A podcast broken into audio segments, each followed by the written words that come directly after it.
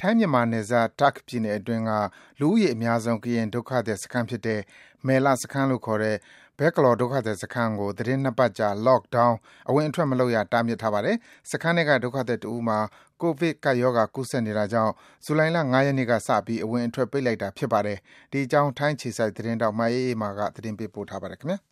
ထိုင်းမြန်မာနယ်စပ် တာ့ခ်ပြည်နယ် ထဆောင်ရန်မြို့နယ်ထဲမှာရှိတဲ့ မယ်လ ဒုက္ခသည်စခန်းမှာ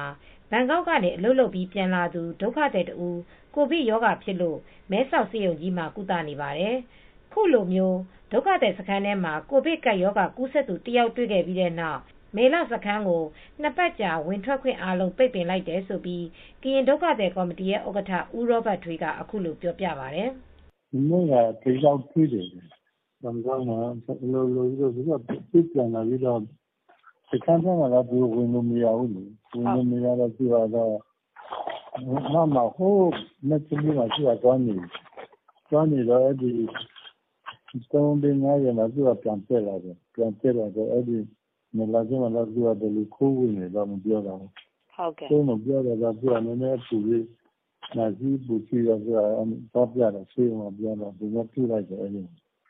။စခန်းထဲမှာပြန်နေတာ ၄ ရက်လား ၃ ရက်လောက်ရှိပြီ။နေမကောင်းလို့နှာစေး၊ချောင်းဆိုးတော့သွားပြတော့ ပေါ်တာပေါ့။ထိခိုက်တွေ့တဲ့သူကတော့ လောလောဆယ်မှာတော့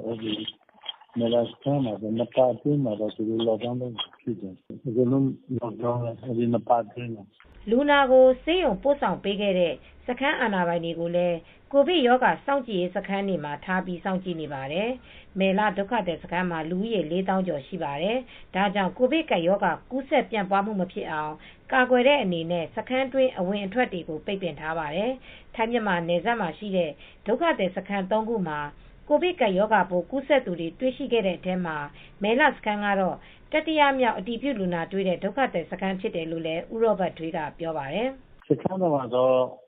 မယ်လမှာဆိုတော့တတိယပေါ့။ပထမအဆင့်ကတော့အုန်းဖြန်မှာတယောက်၊နောက်မှ